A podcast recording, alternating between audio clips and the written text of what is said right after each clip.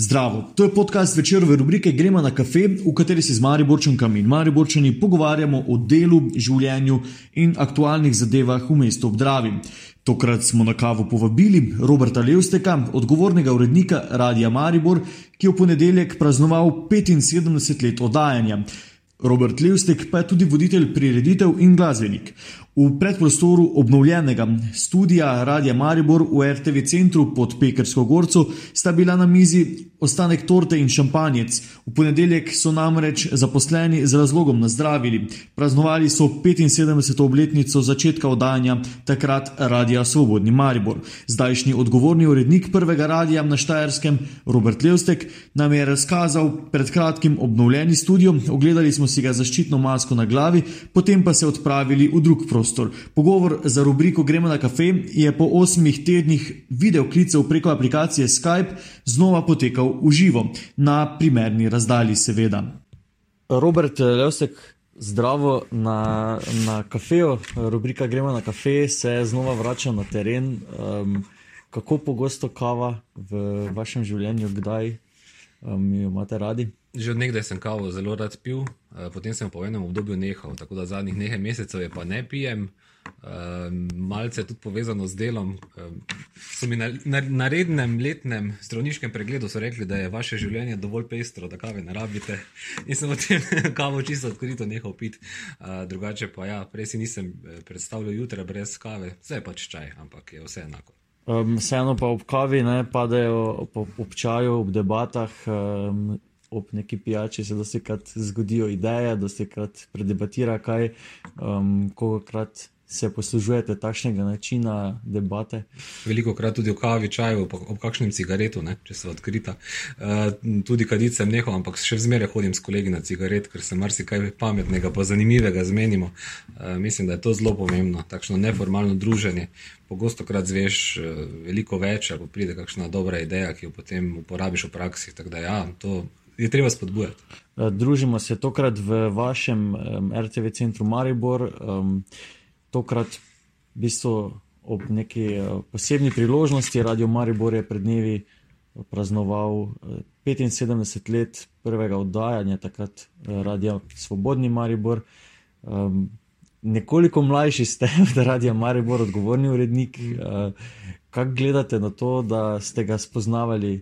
Kako ste ga takrat spoznavali, ne ko pisali ste o tem eh, v kolumni, kako ga vidite danes, mhm. malo v Radio Maribor. Ja, Radio Maribor je radio mojega otroštva, poslušal se doma, zmeraj, ne, kot smo včasih rekli, radio poslušamo, se druga tako ali tako nismo imeli na izbiro in se je poslušal Radio Maribor. Spomnim se, kot včeraj, ostajali eh, smo pred šolo vrtce, malo po šesti uri.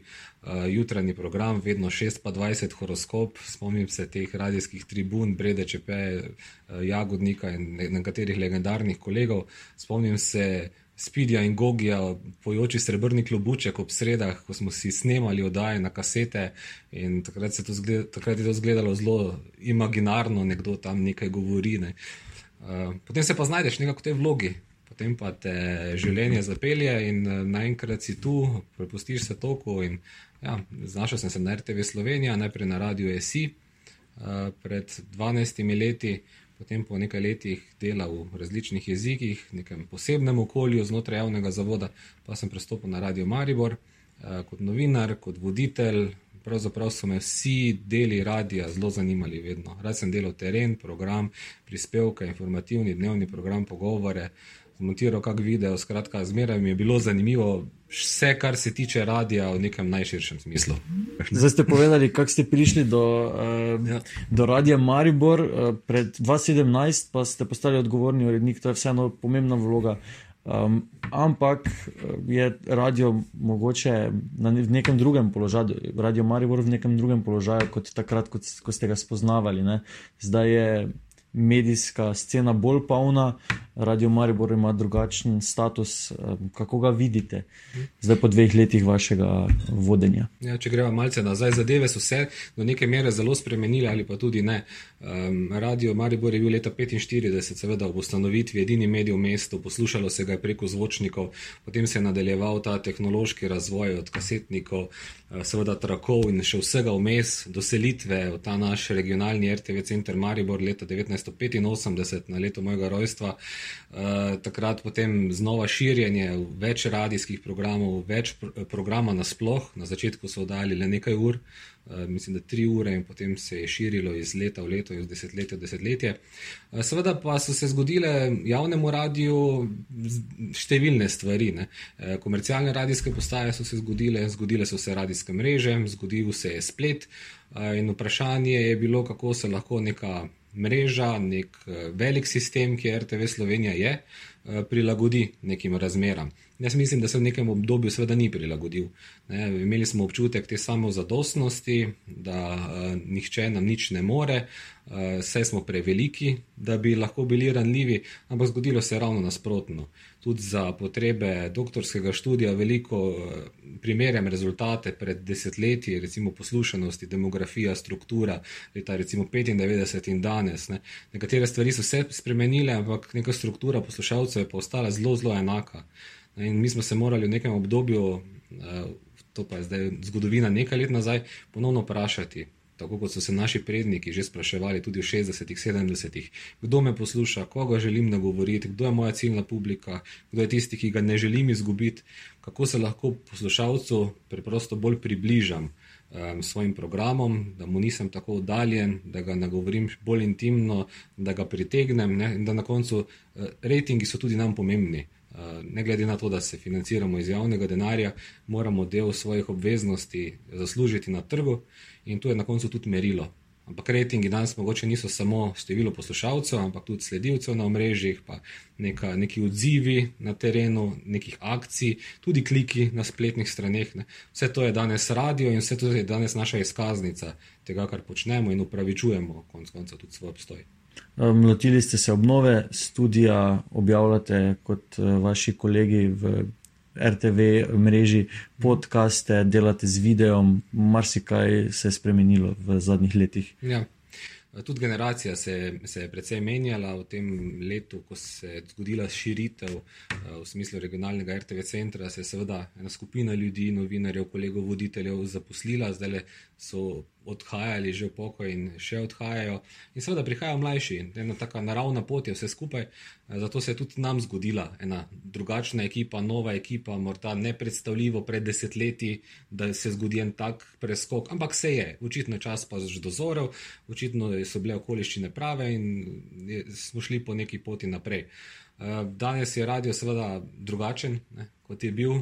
Lotili smo se in glasbene prenove, in vsebinske prenove, in seveda tehnične prenove. Tu smo imeli precej sreče, pa dobre volje tudi strani. Mi pravimo Matica v Ljubljani, kajti vseeno sedeš RTV Slovenije v Ljubljani in tam se odloča marsičem, da so nam šli nasproti z investicijo, da smo lahko en taki multimedijski center ali pa multimedijski radio danes, ne, da ni problem, uh, poleg pogovora, ki ga upravljajo, vklopiti še kak video, uh, še kaj zmontirati za podkaste, uh, delo je hitrejše, bolj avtonomno. Ja, in tudi, seveda, kolegi smo se, pa so se morali nekako temu prilagoditi, ne. eni bolj, drugi manj. Zdaj, če ste ravno to omenili, eni bolj, drugi manj, ste se srečevali s kakimi posebnimi komentarji ob tem, da je potrebno včasih upraviti drugačno, pa dodatno delo. Uh, ta razvoj je bil zmeraj zanimiv. Ne? Kolegi, ki razlagajo, kako so začeli s tipkarskimi stroji in potem prehajali na računalnike, to se je zdelo neverjetno, ne? pa se to ne bo nikdar mogoče. Ampak čas te nekako prisili v to, da si aktiven, da se moraš učiti, da greš naprej. Konec koncev je to tak posel, tukaj ni stagniranja, čakanja, uh, tukaj se stvari zelo hitro spreminjajo. Celo v nekaterih literaturah sem bral, da če delaš na radiju, je dobro, da imaš še kak poklic za rezervo, ker se zelo hitro vse skupaj spreminja, vendar lepa to velja bolj za komercialne radijske postaje, kot pa za javni servis. Da, ja, tudi pri nas je bilo najprej seveda nek odpor od neke, nekega kroga ljudi, potem vendarle ugotovil, da to pa ni tako slabo, če že večina počne. In se mi zdi, da ni dobro ljudi prisiljevati v neke, neke zgodbe. En del pograbi, pelje, marsikdo se potem priključi, nekdo pa si misli, ja, bo pa čas, da se tudi jaz priključim. Ne? In potem ta nek voz se pelje v neko rečemo novo smer. Okay, če gledamo malo bolj regionalno ali pa lokalno, kak je pogled, kakšen je vaš pogled na Mariborsko medijsko krajino? Uh, vidim v Mariborski medijski krajini, oziroma regijski medijski krajini, vidim dva močna igralca, to sta večer in pa Radio Maribor. Uh, tudi sam sem začel na večeru, tako da vse malce poznam uh, neko strukturo izpred nekaj let nazaj. Vsaj. In mislim, da potrebujemo močne medije, potrebujemo uh, novinarje, ki imajo težo, kajti cel ceh se sooča z eno tako nestanovitnostjo v tem trenutku. Novinar ni več cenjen, kot je bil, uh, vsak je že lahko reporter in uh, vsi nekako iščemo neko svojo identiteto. Ne. Na eni strani se tudi na nacionalni ravni povdarja, da potrebujemo lokalne novice, lokalna, lokalno dogajanje je pomembno, po drugi strani se pa ukinjajo eh, neka lokalna dopisništva ali pa regionalna. Mislim, da mi moramo ostati z svojo, svojo držo, s svojim poslanstvom, s svojo prvobitnostjo, eh, tisti neki braniki polja, debate, dajanja eh, glasu tudi ranljivim, neslišanim, eh, smislu kredibilnih, preverjenih informacij in se seveda ne odzivati na vse kapitalske pritiske, kar pa je na koncu dneva težko. Seveda, eh, trg je majhen, ne glede na to, da resnih časnikov ali pa resnih radijskih postaj na regionalnem nivoju ni veliko, ampak vsi si moramo nekako izboriti to svobodo, ker dalje nam je ne bodo. Ne. Ja, sami ste se že dotaknili moje naslednje ali ne, um, o dopisništvih ste nekaj besed rekli. Um, kako slišane se počutite, preden smo se, smo se začeli pogovarjati, ste se pogovarjali, uh, če lahko tako rečem, z matico. Um, ja, kako slišani ste, je ta internetna povezava tu v Mariboru dovolj močna, da vas tam slišijo? V zadnjem obdobju se mi zdi, da smo ponovno bolj, um, bolj slišani, pa tudi sami se moramo za to preprosto potruditi. Spet smo tam, moraš si vzeti ti svoj kolač, včasih tudi malce na silo, uh, povedati, da si tukaj, da imaš dobre zgodbe, da je uredno, da te slišijo, da znaš narediti dobro, prodorno. Seveda je baza ljudi v Ljubljani večja, seveda je, lahko, so lahko področja, ki jih pokrivajo širša, ampak mi moramo biti dobri, predvsem v tem, kar počnemo tukaj, kvalitetno pokrivati našo, našo regijo in potem se seveda da. Ne? Mi smo kolektivni dopisnik za praktično vse programe Radio Slovenija. Prvi program, predvsem v povezavi z informativnim programom naše regije, tudi za Val 202, veliko reportaž, eh, tudi za program Ars so ustvarjamo eh, skupne koncerte, dogodke. Marsikdo tega ne ve. Delamo projekte skupaj z Radijem Mesi, najkopališče, najsmočišče, neke zadeve se izmenjujemo tudi z Radijem Koper. Tako da smo mrežno upeti v delovanje celotne mreže Radia Slovenija in se mi zdi, da se mreža kot taka samo krepi, pa tudi razmišljati v zadnjih letih znala na način, da ni Radio Maribor konkurenca valo 202. Nagovarjamo druge ljudi, drugo ciljno publiko na drugačen način, z drugačnim formatom, z drugačno glasbo, ne hodimo si vzelje po domače. Ne? In ko znamo to sprejeti, je vse lažje so recimo regijski mediji, močni regijski mediji z dobrimi lokalnimi vsebinami. Um, Ključ do neke decentralizacije Slovenije? Jaz mislim, da so. Žal mi je, in to večkrat s kolegi povem, da se po letu 91 ni pri nas zgodil kak eh, podoben sistem, kot ga ima recimo BBC, eh, kjer so javni regionalni radijski mediji, recimo vsi praktično, tako da bi v Sloveniji pod RTV Slovenija spadal Koroški radio, Radio Celje, Radio Ptuj, Radio Maribor, Murska sobota, Lendava, govoriva o vseh večjih krajih, Koper ima, ne, potem postojna, recimo Nova Gorica, um, Kran. Ne. To bi bila ena taka mreža, ki bi na nacionalnem nivoju še bolj poudarjala neke regionalne, regionalne vsebine, seveda na, se mi zdi, še bolj neodvisen, kredibilen način. Um, tudi bili so pogovori, da Ljubljana potrebuje regionalni center, nekateri se to zdi ravno uh, smešno, ampak na koncu ni, ne, da se ravno čez to, čez to regijsko uh, osveščenost se potem gradi neka nacionalna identiteta. In mi na koncu smo ne, na regijskem nivoju nacionalni radio. Imamo vse, imamo klasično glasbo, imamo narodno zabavno, imamo rok. Pač vse to moramo ponuditi z našim pridihom, z delom mm štajerskega. Um, štajerske prvobitnosti na kakršen koli način že pač ne. Zdaj, mogoče bomo malo skočili iz Maribora, ampak ravno to je. V Mariboru imamo portale, imamo lokalne radije, Ljubljana tega nima. So me, tudi mediji krivi za to, da se mogoče ta neka lokal patriotskost ali neka ta identiteta z Mariborom um, bolj čuti. Ljubljana je več vsega, je več služb, je več možnosti. Ljubljana se, se mi zdi počuti kot središče Slovenije, kot da je pravzaprav Slovenija, mi pa na to gledamo zelo drugače. Veliko krat se s kolegi hecamo, da se ne konča ali pa začne Slovenija okoli ljubljanske obvoznice. Ne? Ampak eh, mi se preprosto smo se v preteklosti morali boriti in se moramo še danes dokazovati um, za, da si najdemo svoj prostor pod soncem. In smo takšni, ja, malce posebni, malce čudni, nam nekateri pravijo, uh, ampak nekaj je v tej naši naravi, da, da, da rinemo naprej. Ne. In zagotovo nismo v enakem položaju kot prestolnica, to je treba povedati, ne materialno, ne po nekaterih možnostih, ampak znotraj tega okolja pač moramo dati maksimalno od sebe, kar lahko.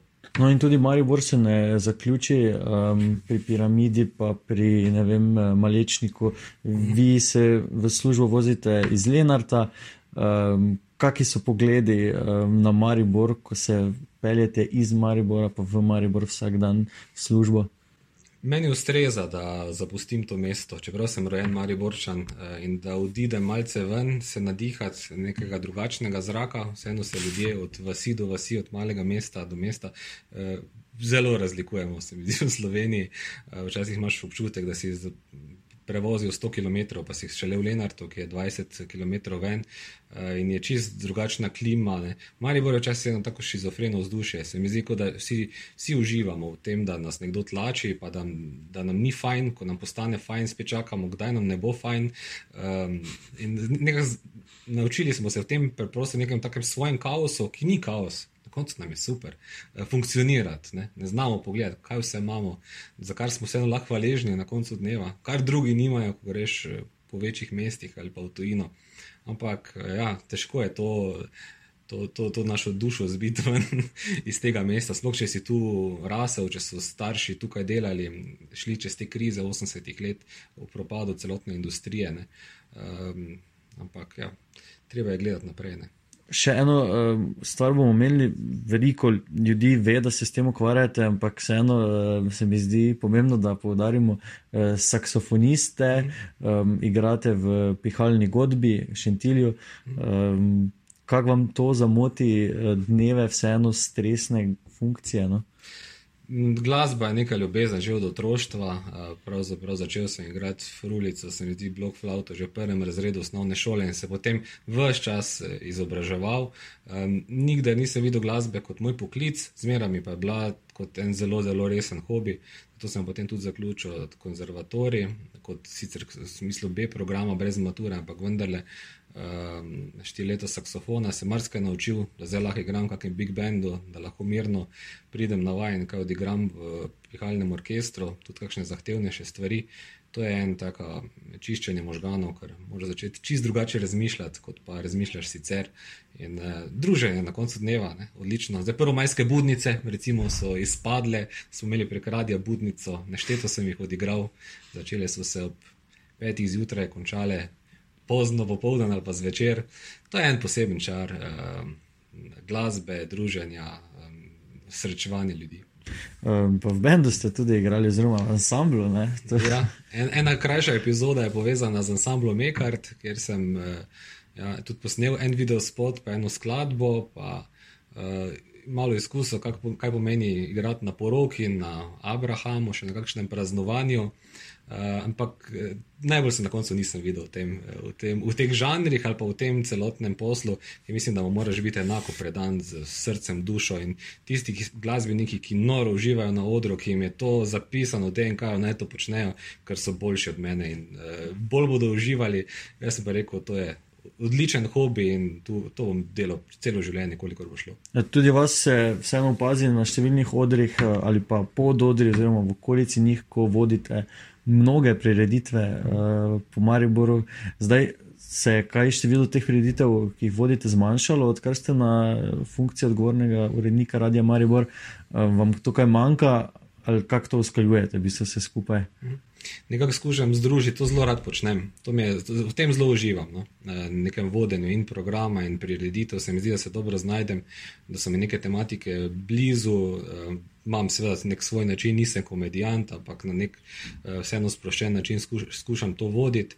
Um, število voden se bistveno ni zmanjšalo, ker se to niti ne tepe z mojim poklicem v osnovi, uh, tako da to z veseljem združim in uh, ja, okoli vina in vsega, kar se dogaja v Mariboru, sem zelo, zelo vesel, da sem zraven. Tako da mi je škoda zdaj, ne? že planiramo naprej, kaj bomo naredili z nekaterimi uh, organizatorji prireditev, uh, da bi na nek način vseeno pričarali to uh, mestno dogajanje v teh izrednih korona razmerah.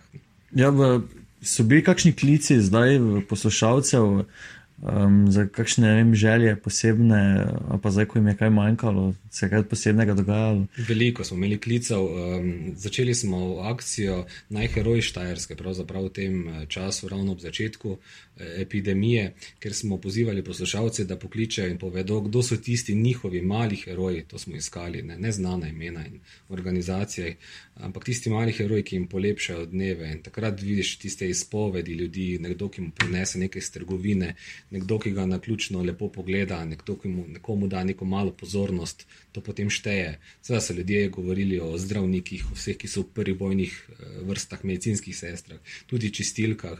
Eh, bilo je zdaj tako, da je nekdo poklical in rekel: Zdaj pa moram. Dobro povedati, ker vsi doma poslušajo. Pomeni, vsi so se zbrali v radijskem spremniku, ne, malo nostalgično, ker zdaj sem jaz na radiju. Ne. In zdaj to je dogodek, tako mm. kot je to nekoč bilo. In se mi zdi, da se je življenje zelo malo stavilo v tem času in spet smo imeli malo več časa zase, za družino, koliko pač so bili stiki možni. In lepe zgodbe so nastale. Predvsem pa nam je bilo ponos to, da je marsikdo nominiral nas. Ne. Povedali so, da so predvsem starejši uh, sami, veliko je samote, da nas poslušajo od petih zjutraj do večera, da vedo vse, kar se dogaja v programu, da poznajo tako ali tako vse po imenu, um, da jim je radio edina družba, da je to, kar zvejo. Uh, z, pač zvejo čez, preko radia, kar nam je mogoče mlajšim nepredstavljivo in je nam primarni vir, mogoče splet, marsikomu pa ni. Ne? In takrat se potem spomniš, zakaj si tukaj, zakaj to delaš, kar delaš. In meni je dalo ogromne energije za naprej, da vidimo, da ima vse skupaj smisel, tudi ko včasih izgleda, da nima. Um, pod fotografijo, um, veliko fotografijo, vse je to Maribor, ne? Lent, Lent uh, Maribor, uh, vodni stolp. Uh -huh, uh, še mogoče za konec, zato ker imamo materijale za tisk, že preveč in jih bom zopet poslušal. Um, želje za Maribor, želje mogoče za vaš center če se da povezati, ja. pa vsakega posebej, kakor, kakor želite. Iz, iz medijskega stališča si želim tako za Maribor, kot za center, kot vaši hiši, kaj ti praznujemo skupaj. Ne? 9. Eh, maja večer 11. radio Maribor.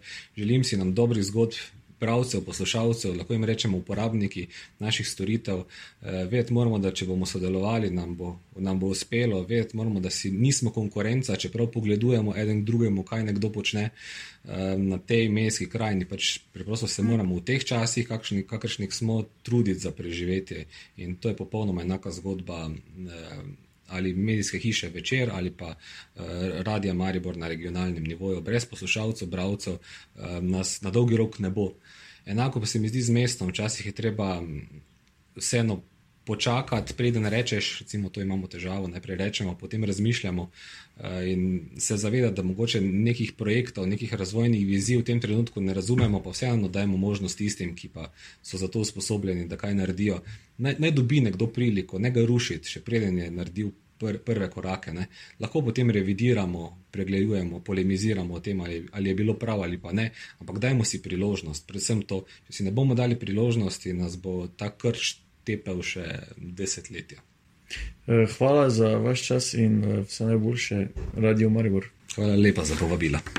To je bil podcast večerove rubrike Gremo na kafe, gost pa Robert Levstek. Jaz sem Miha Dajčman pod tem imenom me najdete na Instagramu, Twitterju in Facebooku. Vabljeni k branju zanimivih vsebin na vecer.com. Dostop do vseh spletnih člankov vas bo stal zgolj 99 centov, torej manj kot en kafe. Vabljeni tudi k poslušanju ostalih večerovih podkastov na SoundCloudu, iTunes in Google Podcasts.